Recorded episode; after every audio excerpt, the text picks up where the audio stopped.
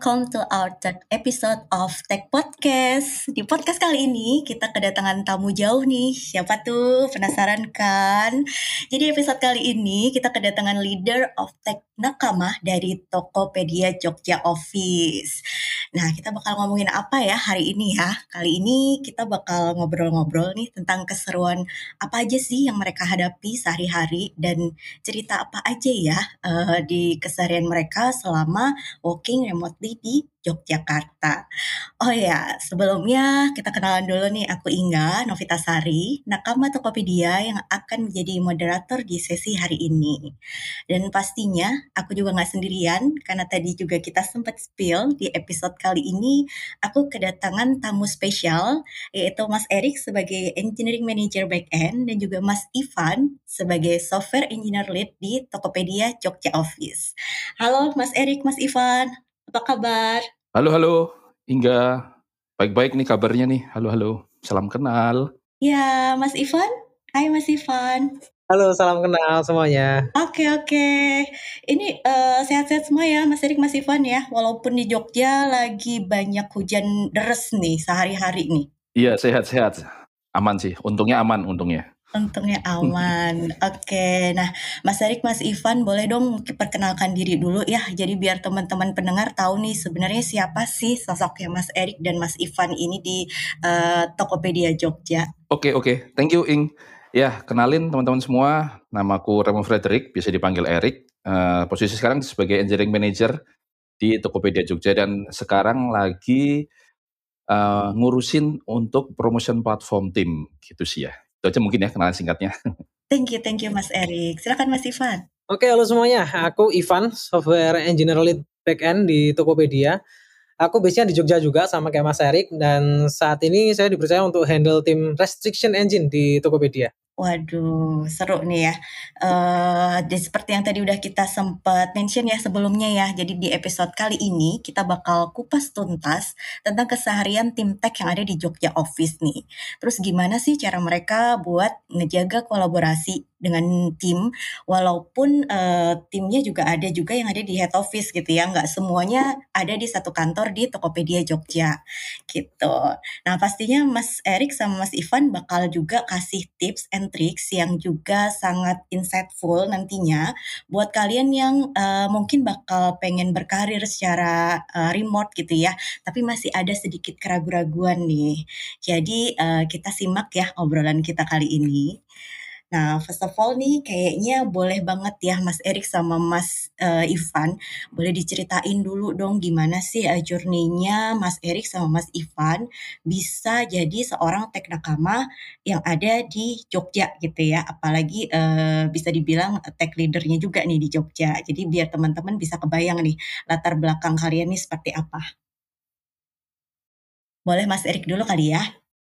Oke, okay, oke. Okay. Ya, thank you, thank you. Ya, Journey-nya ya? Hmm, ya dulu tuh jadi awal awal masuk ke dunia IT ya setelah lulus itu uh, pertama kali bekerja itu di perusahaan pengembang game gitu di Jogja gitu. Uh, terus setelah 7 sampai 8 tahun berkarir di sana, tiba-tiba ada tawaran nih dari dulu dia juga uh, mantan satu kolega ya yang di uh, perusahaan yang sama sama kayak aku. Terus juga dia nawarin nih ternyata, eh Tokopedia mau buka nih di Jogja wah menarik nih opportunity-nya. Nah singkat cerita akhirnya setelah melalui proses interview dan wawancara dengan berbagai macam uh, leader di situ, akhirnya keterima nih sebagai engineering manager dan kebetulan uh, aku ini jadi makhluk pertama kali ya yang ada di Tokopedia Jogja gitu sih Ing. Waduh seru banget nih berarti lahir pertama kali nih ya Mas ya. Iya iya iya iya. Ya. Oke oke, thank you Mas Erik. Nah kalau Mas Ivan gimana nih? Uh, kalau aku mungkin agak beda ya sama Mas Erik. Kalau Mas Erik itu uh, bisa dibilang makhluk pertama di Jogja, tapi kalau aku malah agak kebelakangan gitu uh, join di Tokopedia Jogja ini. Uh, kalau awal karir mungkin sikatnya uh, dulu banyak di fintech company ya, mungkin kurang lebih selama lima tahun sempat di Jakarta juga, terus pulang ke Jogja masih di fintech juga, terus kebetulan dapat kabar Tokopedia Jogja buka nih gitu kan di, di waktu yang hampir bersamaan waktu buka-buka LinkedIn ternyata Mas Erik ngepost juga nih uh, poster hiring di Jogja gitu. Nah di waktu itulah aku mulai SKSD tuh sama Mas Erik untuk detail rekrutmen di Jogja itu seperti apa. Akhirnya singkat cerita melalui proses yang cukup panjang, alhamdulillahnya diberi kesempatan menjadi nakama juga di Tokopedia sebagai software engineer lead Tokopedia. Gitu. Wah seru banget nih. Berarti sebelumnya memang sudah uh, kenal atau connected lewat LinkedIn apa gimana nih Mas Ivan? Kenalnya karena lihat posternya Mas Erik oh, aja sih. Okay. jadi kita SKSD-nya mulai dari situ tuh. Oke okay, oke, okay. seru-seru. Ini bisa jadi salah satu tips ya berarti ya. nah kalau misalnya kalian ditanya nih, glimpse-nya of Tokopedia Jogja Office tuh kayak apa sih? Dan mungkin ada nggak sih hal yang uh, bisa dibilang khas gitu ya dari tim tech yang ada di Jogja? Uh, kalau aku yang yang aku rasain di Jogja ini orangnya seru-seru banget ya. Jadi tiap tiap kumpul tuh pasti ada aja momen yang bikin ketawa gitu.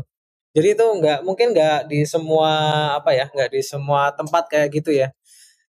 Oh. Jadi itu asik banget sih.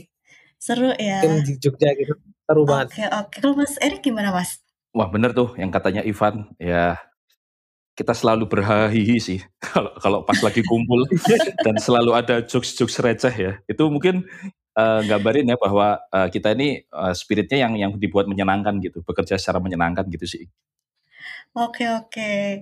Tapi untuk masuk toko PDB Jogja ini nggak harus jadi pelawak nih, kayak kita ketawa terus nih, seru nih.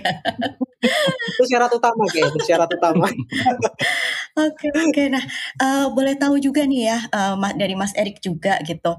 Gimana sih, uh, ceritanya nih dari tim Jogja kan awalnya banget, uh, pasti berawal dari size-nya kecil gitu ya Mas Rik ya, mungkin bisa dihitung dengan jari gitu dan sampai sekarang nih, uh, yang aku tahu sekarang tuh tim tech-nya Jogja nakamanya udah lebih dari 70 nih, ini baru tim tech-nya doang nih. Uh, boleh tahu nggak sih ceritanya gimana nih perkembangan yang ada di Jogja nih Mas? Ini sih, ini menariknya di sini, ini Ing. Jadi awal tuh uh, masih inget tuh Agustus 2019 tuh masuk, lalu September tuh mulai buka tuh Tokopedia Jogja gitu. Dan itu orangnya sekitar 13 sampai 16 kelihatannya gitu.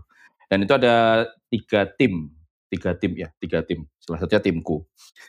Dari situ uh, long story short, akhirnya kita ya uh, dari dari tim Jakarta juga uh, Tokopedia Jakarta juga ngasih beberapa tas pekerjaan dan inisiatif dan akhirnya kita uh, beruntungnya successfully delivered itu gitu. Jadi habis dari situ terus uh, leadership melihat potensi itu bahwa ngelihat wah Jogja ini punya potensi nih gitu dan akhirnya dapat kesempatan nih dari leadership untuk scale up kapasitas tim Jogja dan benar sekarang juga sudah menyentuh sampai angka 73 nakama currentnya gitu sih Ing. Wah, keren-keren. Berarti memang buktiin dulu kalau memang, uh, oke gitu ya, dan akhirnya di-acknowledge dan akhirnya bisa berkembang sampai sekarang Oke, benar. kalau versinya Mas Ivan nih, Mas Ivan? Wah, kalau ini sebenarnya yang tahu banyak Mas Erik ya, karena kayak yang aku mention sebelumnya, aku agak belakangan nih joinnya. Karena aku kena kama ke berapa nih, 70 70-an kali ya. Uh, tapi kayaknya emang Mas Erik itu punya sense untuk orang uh, tahu mana orang-orang yang sefrekuensi gitu yang bisa uh, bikin tim Jogja ini sekeren ini sekarang gitu. Thank you banget loh Mas Erik ya. Jadi gelombangnya tuh harus disamain ya, kayak gelombang radio gitu ya, ya biar bisa kompak ya, timnya ya. Oke oke seru banget nih. Nah uh, kalau dari sisi uh, kalian sendiri nih ya, yang bikin kalian itu mungkin bisa dibilang excited gitu ya, uh, jadi nakama yang ada di kantor Jogja itu apa sih sebetulnya? Kalau yang bikin aku excited itu sekarang karena uh, sekarang dipercaya untuk uh, megang tanggung jawab yang cukup besar gitu. Jadi di restriction engine yang sekarang aku handle bersama tim saat ini itu uh, cukup krusial gitu servisnya dan RPS-nya termasuk RPS yang uh, mungkin dua tertinggi di Tokopedia gitu.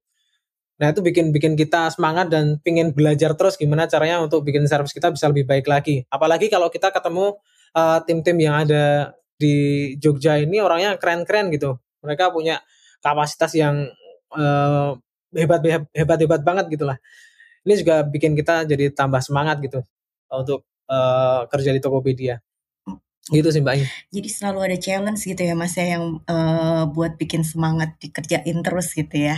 Gimana nih kalau Mas Erik nih Mas Erik? Ngelengkapin aja, nambahin juga. Jadi memang yang bikin bikin excited tuh karena selalu ada hal baru sih setiap harinya gitu, Ing. Gitu dari apa ya, dari kerjaan kita, dari tas kita, bahkan yang di Jogja pun ketika ketemu sama uh, nakama-nakama yang ya bahkan mungkin yang nyukama ya, nyukama tech itu udah orangnya hebat-hebat gitu. Yang aku bersyukurnya di situ bisa bisa belajar, bisa saling belajar dan sebetulnya juga uh, secara Tokopedia uh, keseluruhan ya itu uh, jadi yang Jogja office-nya juga menyerap DNA-nya uh, Tokopedia secara keseluruhan juga tuh Ing. Jadi kita selalu fokusnya ke hal-hal yang uh, bisa memberikan impact yang positif gitu ke semua customer customer problem atau customer needs itu sih Ing yang bikin seneng tuh. Oke oke.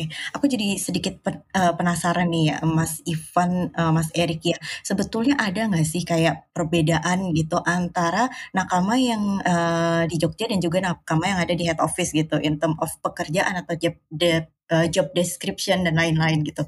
Ada perbedaan nggak sih sebetulnya? Atau sama aja cuma bedanya cuma karena, uh, lokasi kantor aja gitu yang berbeda? Sebenarnya nggak nggak nggak ada terlalu banyak perbedaan sih, Ing. Uh, mm-hmm. Perbedaannya mungkin karena timnya beda itu aja sih sebenarnya. Tapi kalau dari segi karena tech itu uh, spiritnya selalu jadi apa ya uh, punya kolaboratif culture gitulah di di Tokopedia hmm. yang itu semua tuh saling membantu gitu, Ing. Jadi nggak nggak ada yang perbedaan sampai signifikan yang mungkin ya kayak misalnya di Jogja ya udah kita pisah sama Jakarta nggak kita tetap jadi satu gitu. Cuma karena beda tempat dan mungkin beda project aja sebenarnya yang membedakan ini. Mungkin Ivan ada tambahan tuh.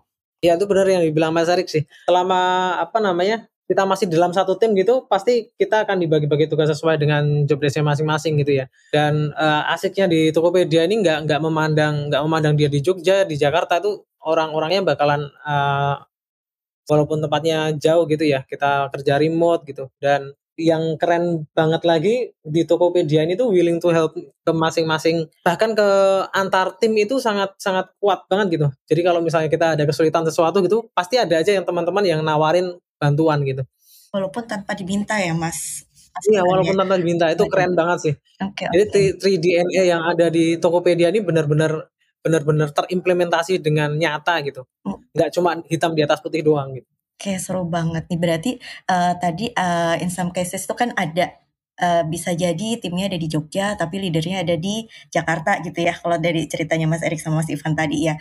Nah, uh, gimana cara kalian buat ngejaga kolaborasi yang baik nih bareng tim yang ada di uh, head office juga nih? Iya, uh, tadi juga udah udah apa ya dari, dari ceritanya aku sama Ivan ngeliat ya dari dari yang tadi Ivan juga ngelengkapin untuk willing to help. Jadi sebetulnya mm -hmm dari dari situ sih cara menjaga kolaborasi dari situ gitu. Kita tahu apa yang harus kita lakukan dalam artian ketika ada orang susah ya kita bantuin gitu. Dan terutama ini sih ya, ini mungkin sedikit tips yang uh, bisa membantu juga gitu. Kita harus sering-sering juga ngobrol di Slack gitu ya atau di chat channel gitulah. Dan juga terutama sering-sering nih buat video meeting atau meeting online yang informal gitu, Ing. Jadi dari situ kita ngobrol-ngobrol jadi lebih banyak yang tahu ya karena kan remote itu kita nggak bisa lihat secara fisik nih. Ya minimal kita bisa lihat mukanya lah dan ekspresi mukanya seperti apa gitu. Dan dari situ akhirnya kita bisa tahu ya untuk bisa manage expectation dan terutama juga untuk konsisten dan komitmen sih dalam daily. Itu, Ing. Oke oke, iya sih kayaknya penting banget ya, uh, kerjaan yang, uh, sifatnya remote gitu, biar ada video tuh, uh, ngebantu bisa ngebayangin orangnya kayak apa sih, mesti bersikap gimana sih gitu ya Mas Rik ya. Oke oke, kalau Mas Ivan gimana Mas Ivan? Uh, kalau yang aku terapin biasanya kuncinya di SKSD aja sih sama sama tim, sama orang-orang yang ada di sekitar gitu ya. Uh, jaga komunikasinya biar lancar gitu dan kita setiap komunikasi pasti akan berpegangan pada 3DNA yang ada di Tokopedia itu akan membuat obrolan atau komunikasi kita antar antar tim atau di dalam tim pun uh, akan punya goals dan arah atau tujuan yang sama gitu sehingga itu akan memperlancar kita dalam komunikasi gitu baik. Oke, okay. thank you Mas Ivan. Ada tadi ini kayaknya kita uh, sebut-sebut 3DNA 3DNA gitu ya. Aku penasaran buat Mas Erik sama Mas Ivan nih. Uh, buat kalian apa apa ya impact yang paling berasa di kalian gitu uh, di saat memang kita semua ini bekerja dengan uh, environment yang memang mengimplementasikan 3DNA. Gimana Mas Ivan, Mas Erik? Kerasa banget sih 3DNA yang ada di Tokopedia tuh nggak emang nggak cuma hitam di atas putih gitu dan yang paling kerasa banget itu cara aku pribadi yang aku rasakan ini uh, fokus on customer itu kerasa banget gitu. Kalau fokus on customer yang di Tokopedia itu nggak cuma nggak uh, cuma usernya Tokopedia aja, tapi sesama uh, member yang ada di Tokopedia itu itu aja juga disebut customer gitu. Jadi uh, kita sangat terbantu dengan adanya ini dan membuat culture yang tadi aku mention willing to help-nya itu kuat banget gitu. Yang mana dulu waktu sebelum ada di Tokopedia itu jarang banget ada yang uh, istilahnya nawarin bantuan gitu. Kadang malah lempar-lemparan gitu kan. Kalau di sini tuh malah malah ini aku bisa bantu apa gitu. Itu yang keren banget sih di Tokopedia. Iya iya iya, benar sih. Aku juga ngerasain itu tuh Mas Ivan.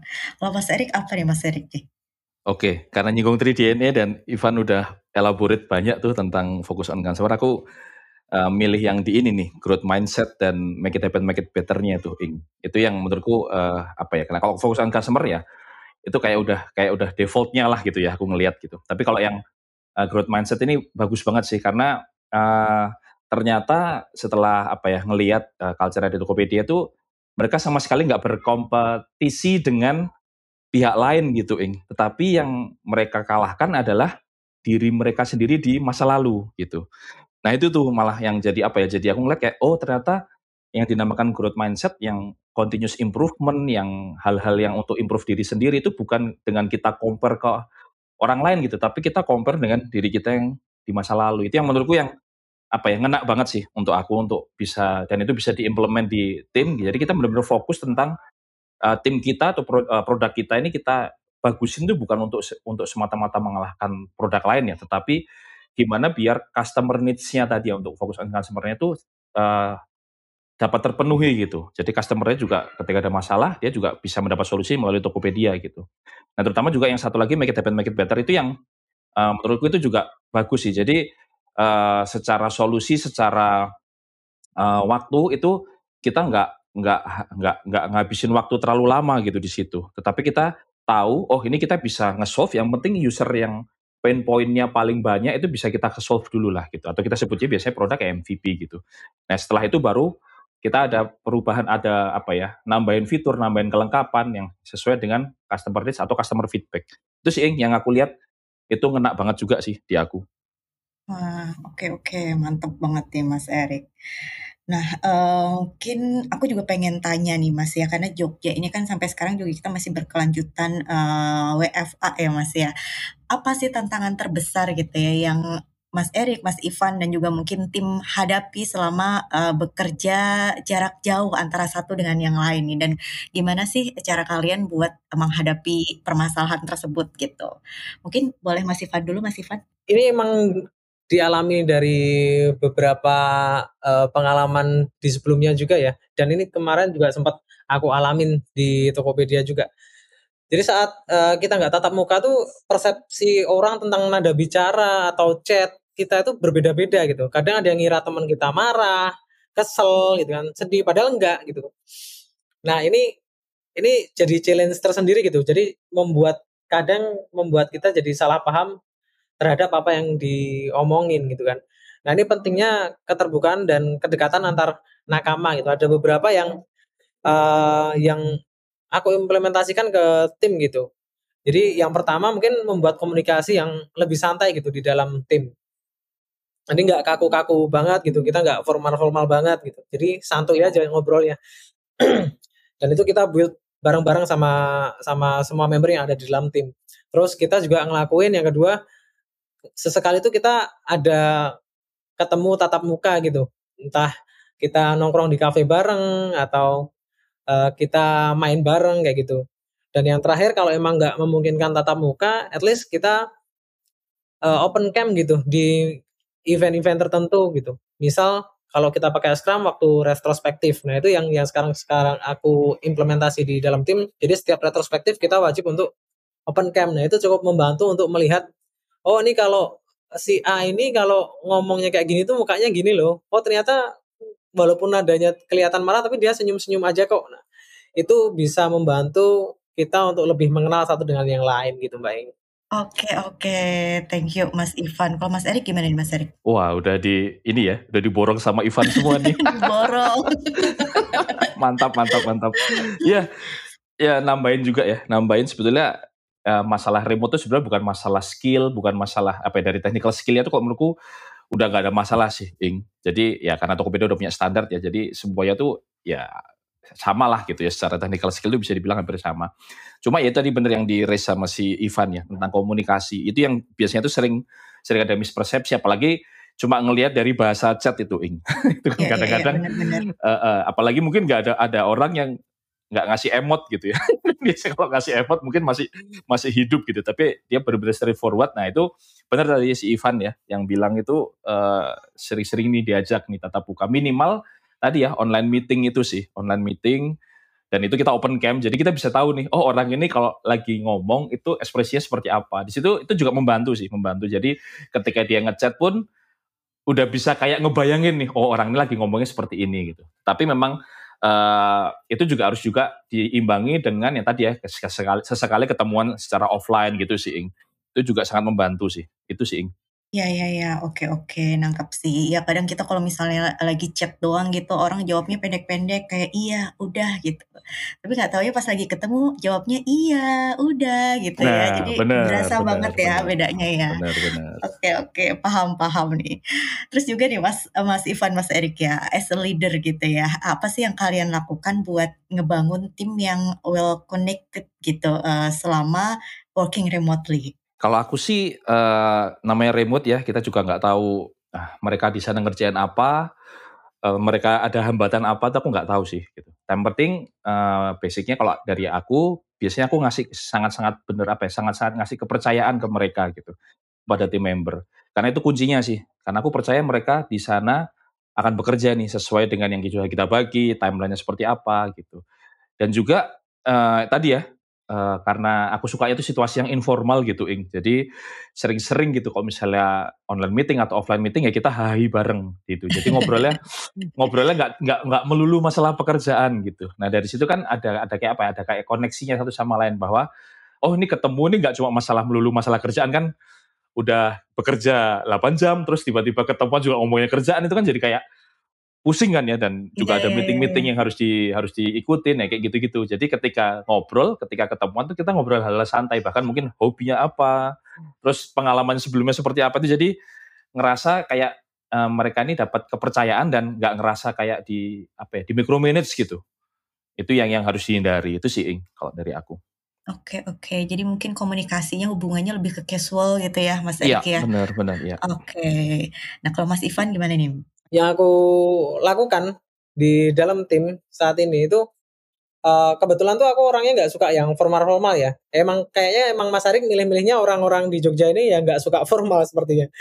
Jadi uh, obrolannya di tim tuh jadi lebih ringan, lebih hangat dan uh, teman-teman jadi bisa lebih terbuka gitu. Jadi ada ada masalah apa, ada blocker apa gitu bisa bisa langsung raise ke kita gitu.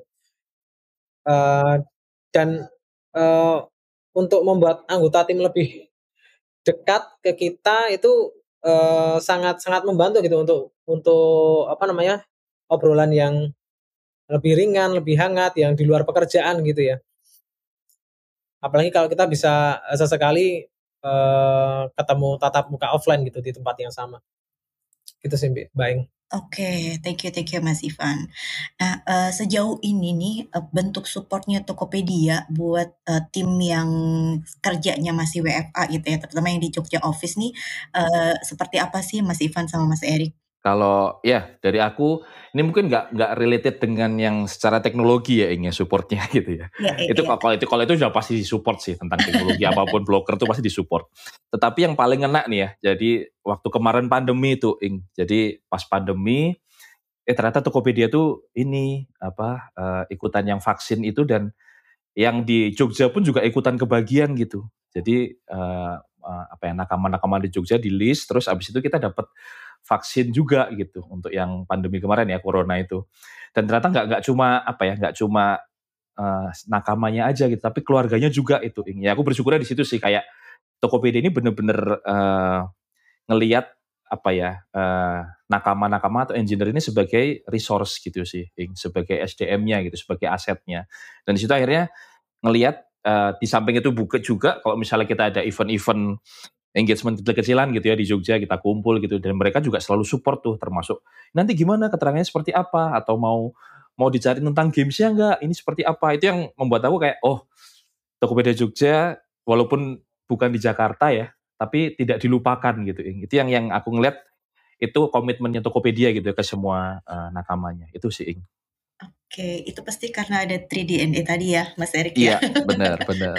Oh, jadi selain uh, mensupport uh, fisik, tapi secara moral juga disupport di terus ya. juga yang uh, keren memang benar sih uh, perhatiannya ini nggak cuma sama nakamanya aja, tapi sampai ke family juga. Yes. Oke oke, seru banget nih. Kalau Mas Ivan gimana nih Mas Ivan? Nah ini uh, menarik nih. Kebetulan tuh aku join di Tokopedia tuh waktu pandemi kan. Jadi emang kerasa banget disupport banget gitu. tiba tiba-tiba aset-aset kayak apa namanya laptop dan lain-lain itu tiba-tiba udah sampai rumah gitu. Terus onboarding tuh juga acaranya walaupun online tapi uh, yang di Jogja nggak nggak di nggak di apa namanya kesampingkan gitu, tetap dilibatkan gitu. Jadi acaranya juga daging-daging banget gitu di acara onboardingnya. Sampai dokter nakama pun juga selalu siap gitu. Uh, walaupun kita di Jogja gitu kan tetap ada itu. Itu sih yang aku rasain selama di Tokopedia ya, supportnya sangat sangat oke banget. Oke oke. Nah, before we close nih, uh, any tips and tricks yang mau di-share ke teman-teman pendengar kita hari ini? Siapa tahu ada yang memiliki aspirasi nih untuk, uh, remote working tapi masih agak ragu-ragu gitu, takut kesepian kalau remote working gitu ya. Any tips, uh, Mas Erik? Oke oke. Ya, ini tipsnya juga nggak yang berat-berat sih sebetulnya. Jadi uh, apa ya? Ya kalau remote working pasti akan ngerasa kayak wah ini nggak ada temennya nih, nggak bisa untuk discuss dan lain sebagainya. Nah itu makanya uh, jangan ragu-ragu sih teman-teman gitu ya kalau boleh ngasih tips, jangan ragu-ragu untuk reach out uh, ke teman-temannya ya gitu yang satu tim gitu. Walaupun mungkin tersebar, tapi teman satu peer itu bisa bisa dihubungin dan kalaupun ada masalah langsung raise gitu ke leader gitu. Karena uh, yang aku yakini ya permasalahan dari tim member itu adalah permasalahan leadernya juga ya di dalam kerjaan ya. Jadi ketika uh, tim membernya ngerasa, wah nih aku kayak apa ya, kayak aku kayak butuhnya butuh-butuh cuti nih gitu, aku butuh istirahat, aku udah burn out nih, misalnya kayak gitu. Atau aku bener-bener enak gimana ya, uh, biar biar ketika bekerja tuh seperti suasana bekerja gitu, bukan cuma sendirian. Itu bisa tuh di raise ke leadernya masing-masing dan aku yakin sih leader-leader yang sudah ada gitu, itu sudah punya tanggung jawab dan pasti akan mengusahakan lah yang terbaik atau menjadi fasilitator bagi tim membernya sih. Itu sih mungkin tipsku, Ing. Oke, oke. Thank you nih Mas Erik ya buat tipsnya nih. Dari Mas Ivan mungkin ada tips and tricks yang lain nih? Ya benar tadi yang dibilang Mas Erik ya di apa namanya bisa ngobrol sama leadernya masing-masing gitu. Dan yang menarik itu di masa pandemi ini kita juga jadi tahu se introvert introvertnya orang itu sebenarnya kita adalah makhluk sosial gitu. Dan kalau kita remote working terus itu rasa kesepian itu pasti akan pasti akan ada gitu pasti akan datang. Jadi nggak usah takut gitu kesepian. Hadapin eh, dihadapin aja gitu. Hadapinya ada banyak cara kok. Uh, ya tadi yang di, bener yang bilang Mas Erik bisa ngobrol sama leadernya gimana minta minta saran dan lain-lain. Dan mungkin bisa sesekali kumpul dengan teman-teman satu tim yang lain. Atau jangan sampai teman-teman itu waktu udah sibuk kerja uh, mengesampingkan hobinya selama sebelum bekerja gitu. Misalnya oh dulunya suka main musik atau suka main futsal. Nah, itu bisa di bisa tetap dilakukan gitu untuk menghindari kesepian kayak gitu. Oke, oke. Thank you Mas Ivan nih buat tipsnya ya Mas Ivan ya. Jadi seru banget nih ya ternyata tim di Jogja Office nih ya. Semoga bisa memberi insight yang menarik juga buat teman-teman pendengar yang mungkin tadinya kepo gimana sih uh, Tokopedia kok bisa efektif banget nih manage uh, big size team padahal kantornya di mana-mana gitu ya. Jadi semoga uh, podcast kali ini terjawab uh, semua kekepoan teman-teman gitu. Dan semoga juga terjawab juga di Tokopedia Jogja office kolaborasinya juga berjalan terus nih dan juga tetap happy selalu karena tadi kayaknya penuh dengan hahaha ya Mas Ivan Mas uh, Erik ya. Dan jadi nggak kerasa juga nih uh, kayaknya kita mesti akhiri ngobrol-ngobrol seru tentang Tokopedia Jogja Office. Nah, untuk menutup episode hari ini aku mau ucapin terima kasih sekali lagi buat Mas Erik sebagai engineering manager back end dan juga juga kepada Mas Ivan, software engineer lead backend di Tokopedia Jogja, yang juga uh, keduanya ini memang ya Nakama Yogyakarta tentunya ya. Jadi thank you banget nih Mas Ivan dan juga Mas Erik buat uh, sharing journey dan juga pengalaman yang benar-benar insightful. Semoga sharing-sharing hari ini bermanfaat bagi para tech enthusiast juga dan juga para pendengar di mana pun kalian berada. That's wrap for our episode today uh, and see you next time di Tech Podcast selanjutnya. Bye-bye.